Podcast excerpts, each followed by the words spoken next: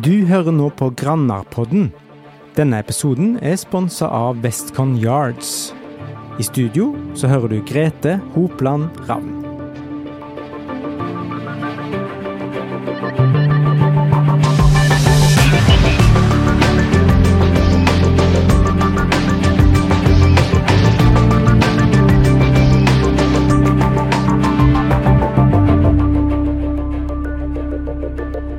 I dag har jeg fått nytt besøk i studio, og jeg kan røpe såpass at det er spennende dame som har svinga innom. Om vi skal røpe dagens gjest ved å nevne noen få ord som kanskje kan få ei bjelle til å ringe hos de fleste, så kan det være stort smil, værvarsel, TV 2 og ølens dialekt som røper henne. Hun er fremdeles 49 år i 92 dager til, for på nyttårsaften så fyller hun 50. Hun er mor til Mikkel og Milla, og hun kan se tilbake på et yrkesliv som er litt utenom det de fleste andre sambygdinger har hatt. Det er veldig kjekt å få ønske deg velkommen til Grannapodden, Elin Tvedt. Tusen takk. Ja, navnet ditt er jo et navn som hos de fleste, iallfall på vår alder, eh, klarer å knytte et ansikt til. Og du har jo vært et kjent fjes i Norge i mer enn halve livet ditt, men eh, før vi går inn på det, så kan vi jo snakke litt om hvem var Elin Tvedt før hele Norge kjente deg? Ja, som du sa, så er jeg født på nyttårsaften, og uh, har vokst opp på Vaka, da, i Ølensvåg. Uh, jeg syns alltid det var litt øde. Det var jeg som bodde lengst vekk av alle. Så når jeg begynte på ungdomsskolen i Ølen, så var min store drøm å få lov å flytte til Ølen, da. Um, ja, den andre store drømmen, det var å bli den nye Madonna. Ja.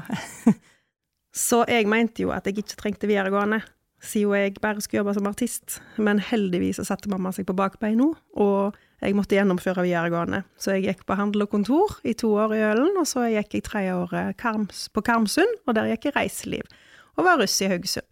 Dagen etterpå så flytta jeg til Oslo, for jeg skulle bli artist. Ja, så spennende. Men før du snuste på artistlivet, så, så fikk du jo lite, en liten sånn spennende dag. En dag som modell i bladet TIK. Da var du 20 år. Eh, og fortell litt om den erfaringen. Hvordan var det for en 20-åring å, å, være i Oslo og plutselig stå midt i hele det kokepunktet der? Nei, altså jeg kom til Oslo, og eh, jeg klarte jo å skaffe meg platekontrakt ganske raskt. Så jeg var jo fort inn i det miljøet, musikkmiljøet, underholdningsmiljøet, og der var det jo en del modeller. Eh, jeg la ganske fort merke til at de var veldig høye og veldig tynne. Og jeg kunne ikke forstå hvorfor modeller kun skal være høye og tynne. Eh, jeg syns ikke det var bra for eh, eh, folk flest i det hele tatt, å tenke på at det var liksom det som var idealet. Så jeg sendte et ganske sint brev til redaktøren Anette Stai i TIK, som var et magasin, mm, og sa at det er ikke greit at dere bare bruker den type modeller. Dette syns hun var veldig bra, så hun tilbød meg jobb som modell i bladet for én dag, da. Oh, ja, og jeg er jo det stikk motsatte, ganske låg med masse former. Så jeg eh, var fornøyd og syntes jeg hadde oppnådd lite grann. Ja, Så du kom rett og slett inn i den bransjen fordi du skrev et brev først? Ja, jeg ja. kom vel til inn i bransjen, for jeg var der én dag, men uh, det var en ganske stor sak der de skrev om brevet som jeg hadde sendt, og om problemstillingen, og vi hadde vel en seks-sju sider inne i bladet, pluss framsida, så jeg var veldig fornøyd. Eh, og det var én dag du, du, fikk være modell da, for. Og hva, hvordan opplevde du det? Eh, det er jo mange som omtaler det som et stykke Du blir behandla som et stykke biff, men eh, er det noe du kan relatere til f.eks. i løpet av den ene dagen? Ja, den bransjen har jo et ganske dårlig rykte, men for meg som bare var der en dag, så ble jeg jo mer en gjest som ble jeg tatt veldig godt vare på. Eh, jeg tror kanskje jeg trodde på forhånd at jeg var ganske fotogen, men jeg skjønte nok ganske fort at det å ta bra bilder og stå i disse her eh, rare stillingene som fotomodellene til tider står i, det er ikke bare bare. Jeg syns ikke det var enkelt, men det var veldig kjekt og spennende å oppleve. Var det sånn at du kunne tenkt deg å gjort det mer hvis du hadde fått muligheten til det?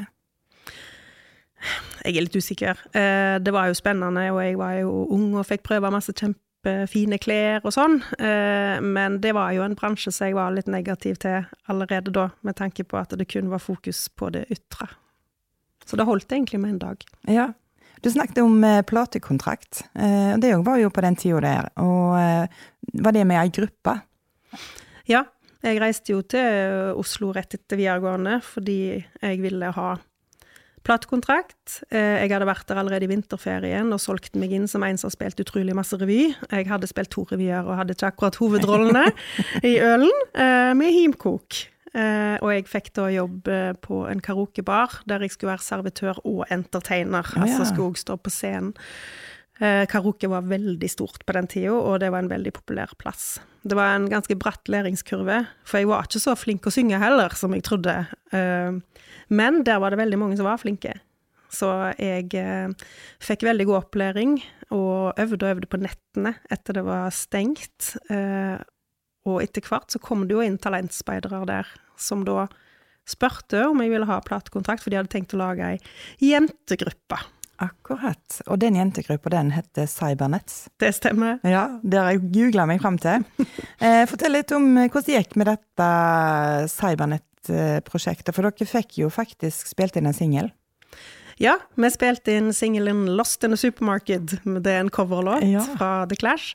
Uh, og ja, vi opptrådte på TV 2, vi opptrådte på Norway Cup. Um, det var veldig spennende og veldig kjekt. Vi hadde jo veldig proffe folk rundt oss. Det var jo eh, Eivind Rølles og Lag Fossheim fra The Monroes og Lars Kilevold. Så jeg lærte veldig masse det året. Men vi fikk ikke bestemme så masse sjøl, så etter et år så hadde jeg veldig lyst å gå videre og bestemme sjøl. Akkurat. Så da gikk jeg ut av den kontrakten når den var over. Men vi danna en ny kontrakt med tre av de jentene. Vi var egentlig i utgangspunktet fire. Og da fikk vi lov å jobbe litt mer selvstendig, så vi fortsatte, og jeg har lært mye av den perioden. Hadde dere flere innspillinger og utgivelser enn den ene singelen? Nei, ting rant litt vekk i sanden etter hvert, men vi var i Trondheim og spilte i studio, så jeg, jeg fikk mye erfaring. Mm. Men så flytta jeg hjem og begynte heller å spille rundt med band, og det òg igjen ga jo veldig masse erfaring. Så kommer vi til sommeren 1996, og da er det et oppslag om at eh, Elin Tvedt fra Ølensvåg har fått jobb som værmelder i TV 2. Og det var to ledige stillinger som lyste ut, og det var over 100 søkere til de stillingene. Og da var du en av de som fikk den jobben. Hva, hva gikk gjennom hodet ditt når du plutselig skulle snuse på det å kanskje bli kjendis og presentere været på TV?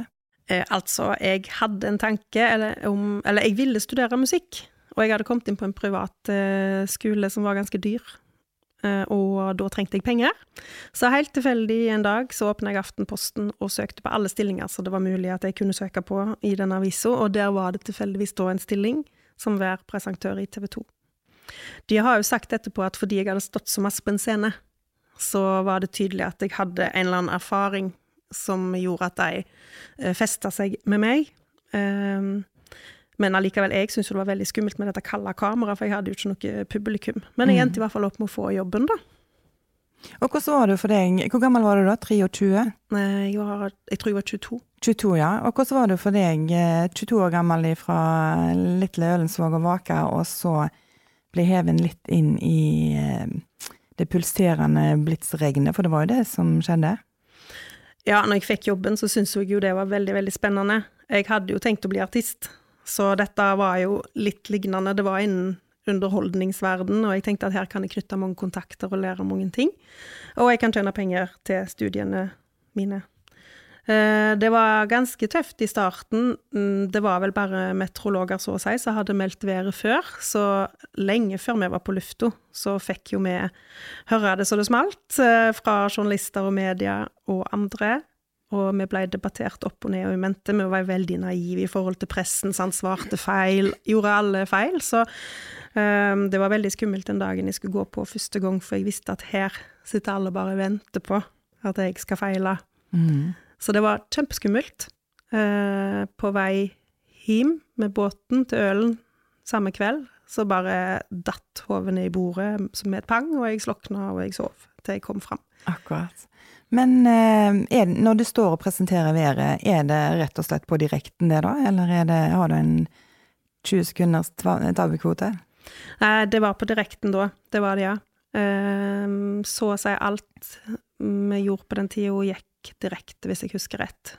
Mm. Um, men selvfølgelig, etter hvert så lærte jeg jo mer og lærte å takle disse tingene, og da begynte det jo å bli veldig, veldig kjekt. Uh, jeg må, jeg, jeg, tror jeg kan si at det er av de, noen av de kjekkeste årene i mitt liv. Mm. Jeg vokste på en måte opp i TV 2. Vi var litt alle i samme båt. Det var en ung bedrift. Så jeg fikk så utrolig mange nye venner. Det var noen enormt sosiale og kjekke år. Mm, så fantastisk.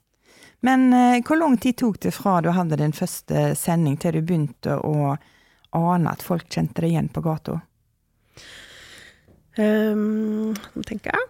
De første, vi fikk jo oppslag med en gang som var litt negative. Og så begynte det jo å gå over til at de, de spurte kanskje om du ville stille opp et intervju. Jeg hadde lært litt mer hvordan du skal svare. Uh, og så hadde du jo en del saker som jeg syntes var veldig stas, da. Men jeg tror kanskje det var når sommeren kom igjen, du vet, da har vi jo det som mange kaller agurktid. Mm. At uh, det er veldig lite å skrive om fordi folk har ferie, det skjer ikke så mye. Og da tok det helt av. Og da kunne jeg jo ikke gjøre en ting lenger uten at det ble skrevet om. Mm. Så det var et veldig sånn der markant skille. Um, da snakker du sommeren 97, da, året ja, etterpå? Ja, det gjør jeg da. Mm. Og etterpå det så holdt det seg sånn. Mm. Ja, for du, du ble jo det som eh, kalles en A-kjendis i Norge. En eh, superkjendis, rett og slett. Alle visste hvem du var. Ja. Og når, da, når du er en sånn profilert person, da, så, så vil jo alt du gjør, bli lagt merke til, og alt du erfarer, og ting som du opplever i ditt liv, det blir jo kanskje slått opp som underholdning for eh, folk. Hvordan var det å lese det, da? Det, det kan jo være både kjærlighetssorg og, og tap av familiemedlemmer og sånn, og så skal det være underholdning for folk. Hvordan tenker du at du takler det? Jeg tenker at i alle jobber så er det jo både fordeler og ulemper. Ehm, jeg pleier å si at eh, i min jobb så var det veldig store fordeler, men det var òg veldig store ulemper. Altså, jeg fikk jo oppleve så masse, jeg fikk gjøre så masse som ingen andre fikk mulighet til. Jeg fikk Eh, tilbud om jobb her og der, så jeg kunne lære av, utvikle meg, så det var veldig mye kjekt. Men den negative delen er jo det når du ikke kontrollerer media, og du ikke styrer eh, media, og det var veldig tøft. Det var veldig vanskelig. Det er ikke lett å bli utlært i hvordan du skal takle de tingene. Jeg syns jeg er ganske god i dag, men det er ikke Du blir jo aldri helt utlært. Uh, og det kan jeg bare si, det er beintøft, og det er ikke for de fleste. Det er noe som heter at du kan være ensom i en stor forsamling fordi at du har en erfaring som ikke de andre har. Opplevde du det på noe vis i den uh, perioden? Ja, det kunne jeg oppleve av og til. Uh, for eksempel når jeg var her hjemme. Så var det jo ingen som forsto det presset. Men det gjorde egentlig ingenting, for det var her hjemme det var trygt og godt. Det var her jeg bare var Elin. Det var her jeg ble Altså, her kjente folk meg bare for den jeg var, så jeg reiste enormt masse hjem. Fordi at eh, her var det veldig fint, da, å være. Og når jeg var i Bergen, så var jeg jo på en måte ikke ensom, for jeg var jo på TV 2-huset, og det var jo ganske mange som opplevde litt lignende ting mm. som meg, og de var gode å ha, og vi kunne jo snakke i lag om dette, da. Eh, produksjonen rundt dere, hadde, hadde dere noe eh, debrifing eller hjelp Eh, psykologisk fra arbeidsgiver til å takle et sånt press? Ja, eh, vi har jo en informasjonsavdeling på TV 2. Eh, og de var veldig flinke, og de tok tak i dette før vi gikk på lufta, for de skjønte nok litt hva som kom til å skje. De støtta oss hele veien. Det var de som tok imot alle pressehenvendelser. Vi kunne komme til dem hvis vi sleit med ting. Og i tillegg alle som er på skjermen. Jeg vet ikke hvordan det er nå, men da mm, måtte gå til psykolog òg innimellom. Oh, ja. Og det var òg en utrolig fin ting, da. Det var da jeg fant ut at eh, søren, altså, alle burde hatt en psykolog. Mm, mm. Som de kan snakke med og lufte ting med. Helt topp, det. Og du sa det at eh, du tok den jobben i TV 2 for du skulle tjene penger til å studere musikk. Mm. Eh, fullførte du de studiene? Nei, det begynte jeg aldri på. Nei. Fordi eh, jeg elska jo plutselig TV-verden. Der ser du, vi har en plan i livet, og så det sier jeg til ungene mine òg. Ja, dere kan gjerne ha mål, og det kan være dere når de og blir det som dere tenker nå, men det kan være at det fins eh, omveier, eller plutselig så skjer det et eller annet. Og bare være åpen, og, og, og, ta det som kommer. Og det var jo det jeg gjorde, da. Plutselig så fikk jeg jo lyst å lære veldig mye mer om kommunikasjon og TV, og det mediet der. Jeg fant min plass så plutselig så var det enda mer spennende enn musikk. Midt i eh, denne perioden som du var værmelder, så eh, kunne jeg lese i Bergens Tidende at du hadde inngått en platekontrakt med BMG, og at du skulle få gi ut ditt første album. Hvordan gikk det? Ja, fordi at jeg fortsatte jo litt sånn på si å, å jobbe med musikk. Eh, for meg så Når jeg sto der og hadde all den oppmerksomheten fra TV-jobben, og du har skrevet musikk, det er utrolig privat, eh, og så føler du egentlig at alt går veldig bra i TV-jobben din. Men du vet at journalistene er der, de venter nesten på at du skal gjøre en eller annen feil, føler du, for det er veldig gøy å skrive om når det går dårlig med folk. Så gikk det egentlig ikke så dårlig med meg. Mm. Så jeg bare tenkte, hvis jeg nå gir ut musikk For du skulle egentlig ikke gjøre to ting på en gang, for var da var du dømt. Hvis jeg gir ut musikk nå, så kommer de garantert til å ta meg. Og jeg kjente at jeg orka ikke at de skulle ta de private tekstene mine. Det var litt for sårt. Så jeg rett og slett feiga ut, og jeg ga aldri ut det albumet. Så jeg har masse sanger i skuffa mi hjemme Eh, og demoer, som jeg da aldri har gitt ut. Ja, Så vi kan ikke se vekk ifra at det kommer en sånn platedebut eh, med Elin Tvedt på cover? jeg har ingen planer om det, altså. Det hadde jeg kanskje gjort allerede.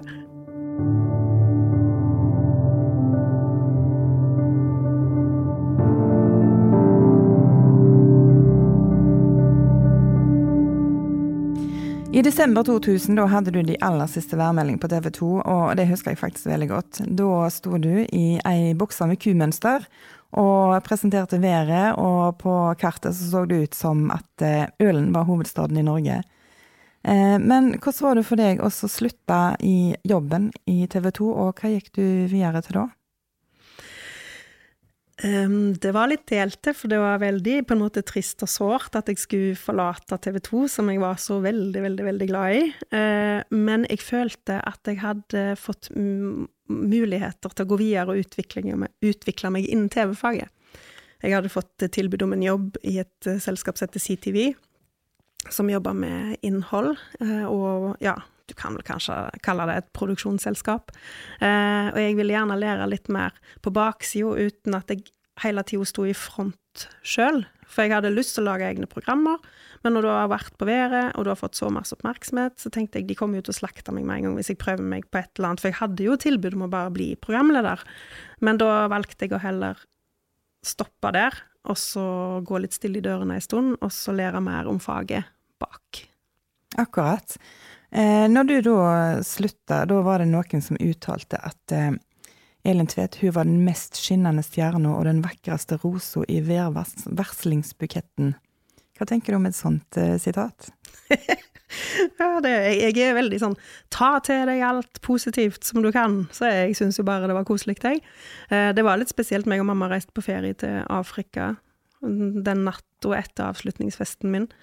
Uh, og da når vi kom på flyplassen, så sto det på Dagbladet VG sånn Se Elin slutter, side 12, 13, 14, 15. Så ja. det, var sånn der, det var veldig spesielt. Det var det. Eh, etter flere år eh, som det vi kan kalle en A-kjendis, så er det jo òg eh, ei bakside av den medaljen. Hvordan preger det deg? Har, ble, du uttalte en gang at du kunne føle at du ble paranoid? Ja, jeg var ganske paranoid. Jeg var ganske ung, må du huske, så jeg følte kanskje at um, jeg ikke fikk utvikla meg like sånn fort som alle andre. Det stagnerte kanskje litt, fordi jeg blei veldig redd for ting. Bare det å handle på butikken. Jeg følte liksom at alle så opp i handlekorga mi, og hva handler hun, og hvis jeg var ute på byen, så du kunne nesten føle at du ble overfalt, så det var ganske skummelt. Så du, jeg trekte meg nok ganske godt tilbake, for det skal sies det var ganske voldsomt en stund der, det trykket som var på uh, meg. Men, og det var kanskje litt av grunnen òg, at jeg trakk meg tilbake og syntes det var litt godt å jobbe med CTV, da. Mm. Som der jeg skulle jobbe litt bak. Ja, for det kan ikke være bare bare å gå ut på byen i Bergen ei helg, du, for det er jo det 23-, og 24- og 25-åringer gjør. Men eh, hvordan var det å gå ut med venninner på en lørdagskveld for deg? Eh, nei, jeg måtte til tider bli beskytta, på en måte. Det, var, det, kunne være litt skummelt hvis ikke. Det har skjedd at folk bare har tatt tak i meg og løfta meg opp og bare sprunget av gårde med meg, liksom. Eh, rett og slett kidnappa meg. Eh, det har skjedd ganske mange sånn fysiske ting, så ja, du måtte bli ganske godt beskytta, så det kunne være litt skummelt. Mm.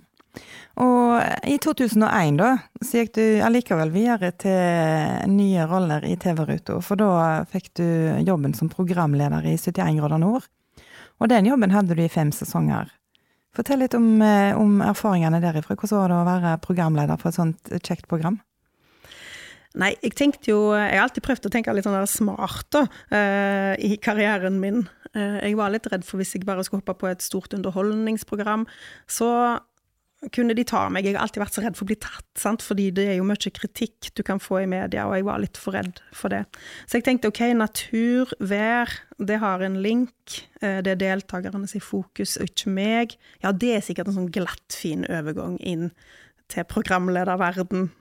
Så, og det var det jo, da. Mm, det ble en kjempesuksess, og det var fem veldig kjekke, spennende år. Mm. Og når du da hadde den jobben, hvordan eh, Vi ser jo deg i TV-ruta i starten og litt gjennom programmet, men eh, hvordan, fulgte du opp disse Eller ikke fulgte opp, men hvordan fulgte du programmet? Eh, kjørte du bil fra distanse til distanse, eller var du med og hadde fysiske utfordringer på noe vis? Det var litt viktig for meg første gangen å være med fordi alle journalister lurte jo på akkurat det du spør om nå. Akkurat, og da hadde jeg så lyst til å kunne si at nei, jeg er med, jeg òg. Eh, så jeg var med på alt jeg kunne. Det er jo en ganske travel jobb, eh, for vi sitter jo og jobber når de er på store oppdrag med det som skal skje videre. Men første året var jeg veldig med. Eh, og jeg husker jo når vi for opp en topp, så var jo jeg først. Og så holdt jeg jo på å dø, for jeg var så sliten. Mm. Men akkurat når de kom forbi, så bare holdt jeg pusten inne, og så sa jeg sånn Ja, ja, bra jobba. Og så når de for forbi, så var det sånn Å, å herregud. Oh. Så altså, det, det var et litt sånn spel for galleriet at jeg skulle vise at jeg var ganske knalltøff. Ja, ja da lurte du. ja, jeg gjorde det. Eh, og, men når du da var ferdig med, med 71 grader nord, så gikk du videre til en ny programlederjobb, og det var i NRK. Da ja. var du NRK frokost-TV-programleder. Og det var noen måneder, og så gikk du på en smell. Mm, det stemmer. Mm. Jeg har gjort litt andre sånn programlederjobber før det, og sånt også, men det er vel kanskje disse som er mest kjent. Uh, der fikk jeg beskjed om du skal ha 52 saker i uka, ikke prøv å lære deg alle. Uh, men det prøvde jeg selvfølgelig på. Uh, fordi jeg har jo alltid vært så redd for å bli tatt på ting, jeg skulle være flink på alt, og jeg hadde faktisk på en måte vært det opp igjennom. Så jeg visste jo at en eller annen gang så må jo dette fallet komme der jeg får uh, de oppslagene som alle ender opp med å få en gang, at du har gjort noe dårlig. Jeg skjønner ikke hvorfor jeg var så utrolig opptatt av det her, det hadde sikkert gått bedre hvis jeg ikke var det. Men i hvert fall så leste jeg jo dag og natt for å prøve å lære meg alt jeg skulle, og det måtte jo selvfølgelig gå som det gikk. Jeg sov jo aldri til slutt. Så jeg gikk på en smell, og det gjorde jeg òg på direkten. Gjorde du det? Ja. Så jeg eh, hadde Det var en veldig enkel sak. Det var SAS, eller ja, i hvert fall et flyselskap som var i streik. Så jeg satt der med den der eh, talspersonen og skulle sikkert bare si tre setninger. Det var sånn Hvordan går det nå? Ja, er det noen løsning? Veldig enkelt. Og så klarte jeg det ikke. Øynene mine bare begynte å rulle rundt. Jeg tror at hun så det. For det var jo hun som redda meg inn. For jeg stilte ikke et eneste spørsmål. Det jeg sa var rart, det hang ikke sammen. Uh, så hun på en måte leda oss gjennom dem. Det var bare en tre minutter. Mm. Uh, så takket være hun, så gikk det ikke helt gale, men folk kunne jo se at her var det noe veldig rart. Utad så mm. så det sikkert bare ut som at jeg gjorde en skikkelig dårlig jobb. Uh, så da ble jeg sykemeldt i mange måneder. Uh, ja. Og nok en gang ble du det så hele Norge var vitne til, og det ble skrevet om. Ja, så da gikk jeg jo på den smellen, da. Så jeg hadde tenkt at det aldri skulle komme. uh, men det er kanskje det beste som har skjedd. Fordi for meg var det en enorm krise, og de var jo stygge. Mm. De har sjelden vært så stygge med meg. De skrev at jeg hadde fått sparken, og det var så masse usannheter der. Og jeg tok det så tungt. Eh, den dag i dag så kan jeg kjenne hvor tungt jeg tok det. For jeg trodde at da var alt ferdig, da var alt over. Men selvfølgelig så var det jo ikke det. Alle går på en smell. Eh, det var ikke så stort, så jeg skulle ha det til mitt hode, og jeg fikk jo nye jobbtilbud når jeg ble frisk igjen. Eh, og det er vel den beste læringen jeg har hatt i mitt liv, da. Mm. At slutt å prøve perfekt, slutt å være prøv å være så flink, drit i det, for da gjør du en ganske dårlig jobb, fordi at du blir så polert. Eh, bare vær et menneske, og gjør alle feil, for det liker folk. Folk liker at du bare er vanlig. Mm. Og da gjorde jeg med en gang en veldig mye bedre jobb. Mm. Så egentlig, det som jeg var så redd for, var jo egentlig det som ble en veldig fin ting for at jeg faktisk har fått utvikle meg i jobben, da. Eh, føler du at norsk eh, presse svikter samfunnsoppdraget sitt når sånne saker blir toppsak i media? Det er faktisk et spørsmål ingen har stilt meg før, det er ikke ofte. Ehm, ja, det kan du jo på en måte si. Altså Det er jo ikke et nyansert bilde. Altså, Vi har så mange saker som er så viktige, og en burde gått mer dypt inn i ting. Og i hvert fall også i denne verden vi har nå, der alt skal på nett og det er bare klikk som teller. Ting blir så overfladisk, og alt handler om at de skal få folk til å trykke inn på den overskriften, og derfor må den være veldig dramatisk. Kanskje ikke folk orker å lese mer om Ukraina og krigen i dag, tenker de, og så velger de heller å skrive om noe sånt. Og jeg syns jo ikke at det er rett. Hva forhold har du til norsk presse i dag? Forholdet mitt til norsk presse i dag er bra. Eh, De har blitt snillere. De har blitt mer fornuftige når det gjelder eh, ja, sånne som meg, da. Eh, det er mye lettere i dag, syns jeg, å samarbeide og ja, at alle kommer litt bedre ut av det. Men samtidig, den dag i dag òg, så ofte når jeg har gjort et intervju, så tenker jeg hvorfor gjorde jeg det her? Jeg vant jo ingenting på det her. Eh, Fordi de skriver De forenkler ting veldig ofte. Og, og prøver å gjøre ting litt mer spennende enn det det kanskje er. I 2008 så kunne du kalle deg noe annet òg, for da kunne du kalle deg forfatter. Da skrev, skrev du ei bok om det å være gravid og ha et svangerskap. Eh, fortell litt om, eh, om bakgrunnen for boka og, og responsen på den. Ja, jeg ble jo gravid da. Og så når det kom ut blant folk, så spurte Erling Kagge om jeg kunne tenke meg å skrive ei bok om det, som en førstegangsfødende, da. Eller ja, som, som kan være ganske naiv og ha masse spørsmål, og, og i hvert fall jeg som aldri sikkert hadde tenkt tanken at eh, eh, Eller jeg tror bare jeg tenkte at alt er som før. Eh, ingenting forandrer seg. Jeg går nå bare rundt med den magen, og så etterpå så har jeg bare med meg den ungen. Så jeg var ganske naiv, og det tror jeg jeg visste i forhold til eh, svangerskap og morsrollen. Så da ble det jo en ganske liksom, morsom, lettlest bok om det, da. Eh, har du flere bøker i magen? Nei, jeg tror ikke Altså, jeg syns det var litt kjedelig å sitte der og skrive og skrive og skrive. Det tar jo så lang tid, og jeg er en litt rastløs person. Men det skal sies at jeg er glad i å skrive. eh, men å skrive hel bok, det tar for lang tid. Du har eh, to unger i dag, det er Milla og Mikkel. Hvor gamle er de blitt? Eh, nå er de 12 og 15. 12 og 15, ja. Den historien som du har med, med pressekjør og kjendisfaktor og sånne ting, har det på noen måte påvirka deg i de roller som mor? Ja, veldig. Eh, og òg Jeg brenner jo veldig for det her med kroppspress, og i dag har vi jo sosiale medier, så jeg mener vi aldri burde hatt. Det er mer ødeleggende enn det gjør bra. Eh, jeg har nok prøvd siden de var ganske så små, å fortelle dem hva som er viktig. Eh, og det er det indre og ikke det ytre. Du kan jo si det så mange ganger, men det hjelper jo ingenting. Eh, Men etter de har blitt større, så har jeg prøvd å fortelle dem sånne ting som at når du ser bilder av folk, eller når folk er filma på TV, det er ikke sånn de egentlig ser ut, de har blitt steila i mange timer. Det, ting kan være retusjert, i hvert fall til for eh, veldig nylig, når det kom en ny lov. Jeg har prøvd å lære de veldig godt opp i at du kan ikke stole på det som står i media. På TikTok, bare glem det. Det meste der er bare tull. Det er kun for at de sjøl vil tjene penger. Så de har nok vokst opp på en litt annen måte enn andre. Jeg eh, prøver vel kanskje å lære de litt andre ting enn mange. Føler du at dette er en kamp som du kan vinne, eller er det litt håpløst? Nei, den kampen kan jeg ikke vinne. Men siden jeg begynte såpass tidlig med det her, da Jeg har sjøl hatt spiseproblemer da jeg var veldig ung, og jeg har en sånn redsel i meg for at Altså, i dag, verden er litt sjuk, kan du si. Altså, hvis vi tar hele verden under ett, den rike verden, den vestlige verden, så er det nesten ingen som kan si at de ikke har vært innom tanken på kroppspress eller en følelse av å ha det vanskelig i egen kropp. I hvert fall er det en ganske liten del, og det er så forferdelig trist. Eh, Så derfor så har jeg bare tenkt at det skal være min mission, å fortelle ungene mine det, og andre det, som vil høre på. Men jeg kan ikke vinne. Men jeg kan håpe at jeg kan ha sådd noen frø som kan hjelpe de videre.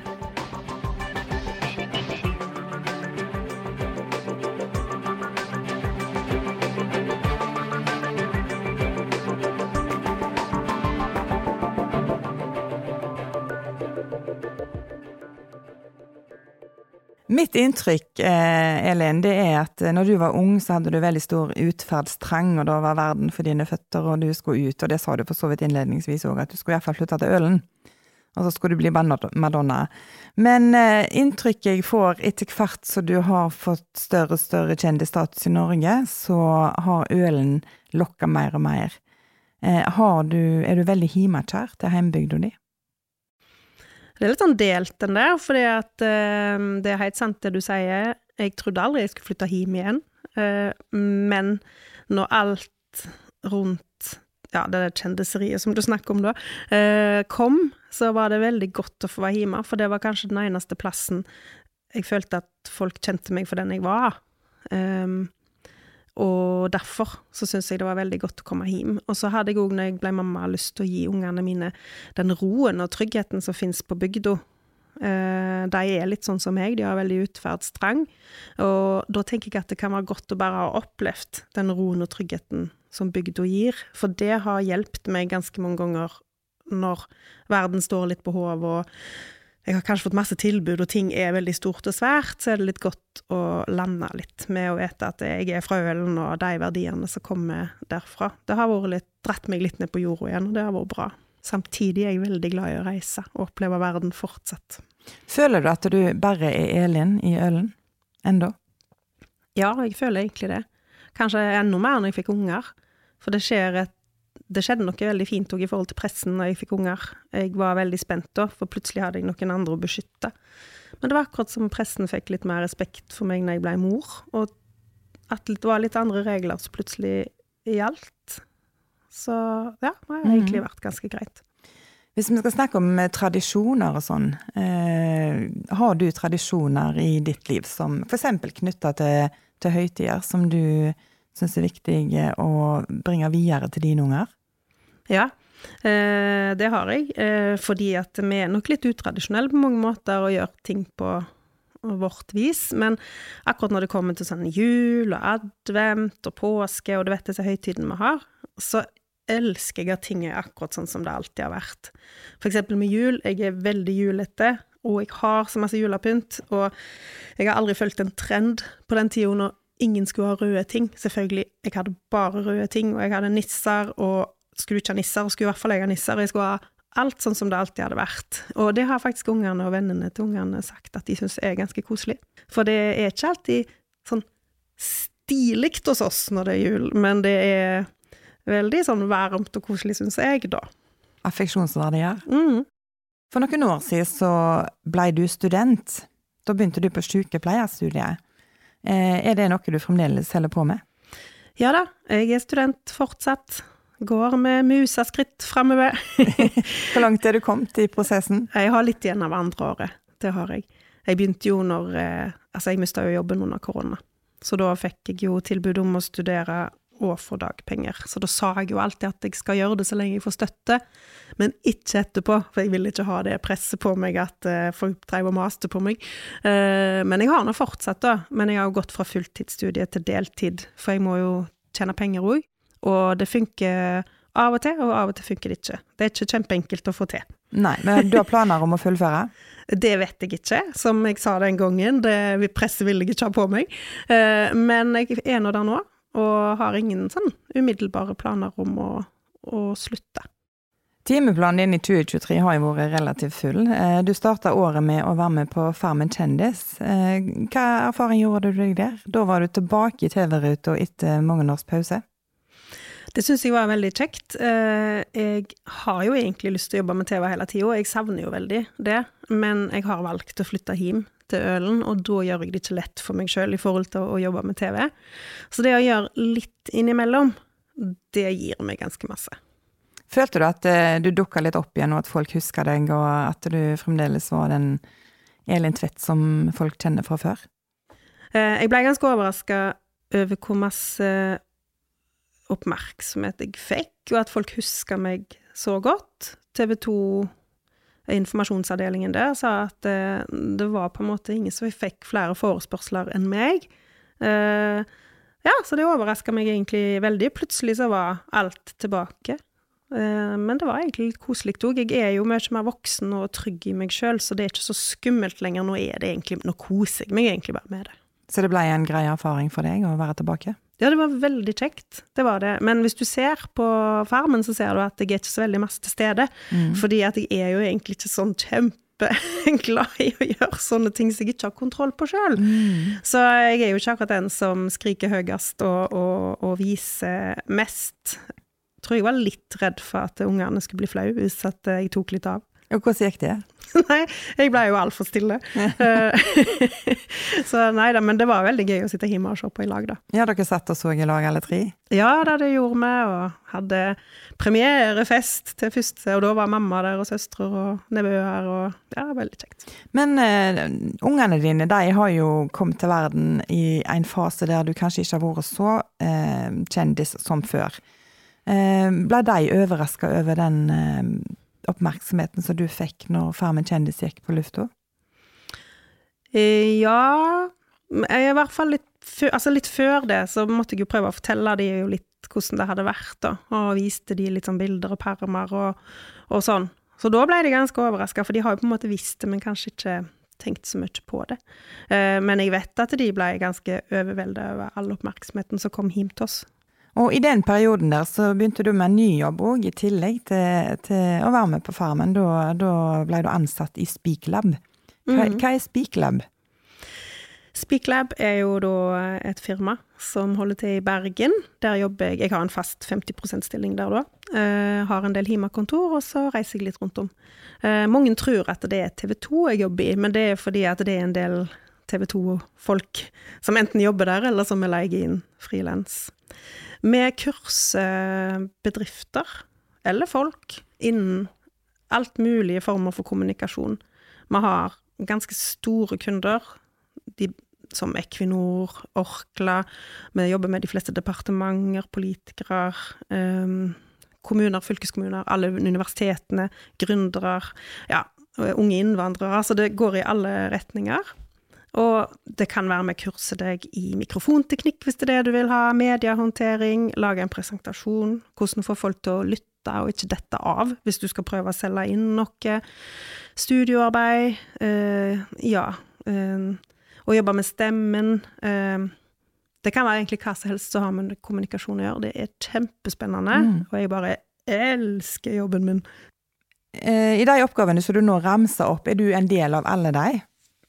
Uh, altså, jeg har jo den der fantastiske tittelen uh, 'Marketing Director'. Engelsk skal det være. ja, fint skal det være. Så jeg skal jo på en måte prøve å selge Speaklab uh, inn til sånn at enda flere folk får vite om Speaklab. Selv om de klarer seg veldig godt sånn som det er eh, nå. Jeg har jo tatt ganske mange av kursene, veldig heldig. Jeg får jo gratis alle kurs som folk betaler masse penger for. En del av det kan jeg fra før, for jeg har jo jobba med kommunikasjon. Så nå mer og mer så er jeg jo med eh, på å kurse folk, og det er veldig, veldig kjekt. Men jeg tar jo steg for steg, da. Jeg kan ikke lære alt på en gang. Men er dette en jobb som du kanskje vil eh, øke din prosentstilling i framover? At dette kunne du gjort på fulltid? Ja, jeg kunne virkelig tenkt meg det, men allikevel så er jeg jo veldig glad sånn som det er nå. Jeg har det jo litt så plommo jeg er. Jeg jobber 50% der. Jeg jobber 17% innen psykiatri og rus på Hauatunet her i Vindafjord. Eh, jeg jobber bitte litt TV av og til, og så studerer jeg litt. Så jeg har det jo fint, for jeg får liksom gjort så mange ting. Men noen tror da å, at jeg er helt sånn der supermenneske og får alt til. Nei, det kan du bare glemme, fordi det går ikke bra alltid. det er for masse å gjøre, og det er kaos. Uh, så jeg må tenke litt over Ja, jeg må finne en løsning på det. Det er ikke sånn, For det er veldig mange som kommer til meg og sier 'Å, du er så flink som gjør det og det'. Nei, jeg er egentlig ikke det. Det blir litt for mye, og jeg må finne litt ut av de tingene. Føler du at du er ferdig med å være Elin Tvedt på TV? Nei, jeg kan egentlig godt uh, gjøre mer, uh, og jeg er i dialog om ting. Men det må i tilfelle passe med å kunne bo her hjemme, og det begrenser veldig mange ting. I forbindelse med at du nå dukka litt opp inn i TV-skjermen i, i, starten på året, da, så var det et blad som hadde prata med deg. Uh, og da siterte de deg på at du kunne godt tenkt deg en kjæreste. Ja, det er ganske morsomt det der, fordi det har jo jeg aldri sagt. Eh, fordi eh, jeg våkna en morgen, og så merka jeg at jeg, det var så utrolig mye plinging på telefonen min, og alt var ifra menn. Eh, som jeg ikke kjente, egentlig. Eh, så jeg tenkte ok, nå, har, nå er det et eller annet. Det er det alltid når det begynner å plinge på den måten. Så jeg måtte gå og leite rundt på nettet, da. Og der står det et eller annet sånt, ja. Jeg vil ha en kjæreste, eller et eller annet sånt. Eh, og da har jeg jo egentlig blitt stilt spørsmålet kunne du tenkt deg en kjæreste? Og så vet jeg at jeg, hvis jeg sier ja, så vet jeg at jeg får overskrift. Så jeg svarer litt sånn forsiktig at eh, ja, jeg har det nå fint, så jeg har det, jeg, men eh, ja, kunne sikkert vært kjekt. Mm. Og da får du den overskriften. Så egentlig så slipper du både Tinder og alt, det er bare at du uttaler deg litt sånn, og så kommer alt av seg sjøl. Altså, jeg har min egen Tinder. Min Messenger på ja, Facebook Messenger. Det er min Tinder. Der er det mye greier. Ja. ja, er det blitt noe resultat ut av dette, da, eller? Jeg tør jo ikke å åpne, for da ser de jo at jeg har lest den. Men Elin, om vi vil eller ei, så lakker og lir det mot slutten av dagens episode av Grannapodden, og jeg vil selvsagt stille deg det spørsmålet som vi skal prøve å stille hver eneste gjest, eh, og det handler om det å fremsnakke folk. For at heimbygda di skal være en god plass å bo, så er det viktig med fremsnakk. Om du skulle velge én person ifra din heimbygd, hvem skulle det vært, og hvorfor? Jeg tror ikke jeg vil dra fram et navn, men heller ei gruppe. Og de som jeg vil framsnakke, det er lærerne. Å være lærer tror jeg er veldig tøft, men det er sikkert òg givende. Men eh, de mangler nå litt ressurser både her og der i dag. Da tenker jeg på i forhold til penger og økonomi. Det, det ligger veldig mye på lærerne. De skal være både psykolog, og de skal hjelpe til på alle vis. De skal klare å være tålmodige, både med oss foreldre og, og elevene, i tillegg til at de skal være gode faglige personer, da. Så jeg beundrer veldig dem. Jeg syns de har en veldig tøff jobb, og jeg syns òg de fortjener høyere lønn. Elin Tvedt, tusen hjertelig takk for praten. Du har nå hørt på Grannapodden, og episoden er produsert i ABC Studio med Stig Morten Sørheim. Har du tips til hvem du har lyst til å høre på i Grannapodden, så ta gjerne kontakt med oss. Da sender du en e-post på tipsalfakrøllgranna.no. Mitt navn er Grete Hopland Ravn, og ansvarlig redaktør for Grandapodden er Torstein Tysvær Nymoen.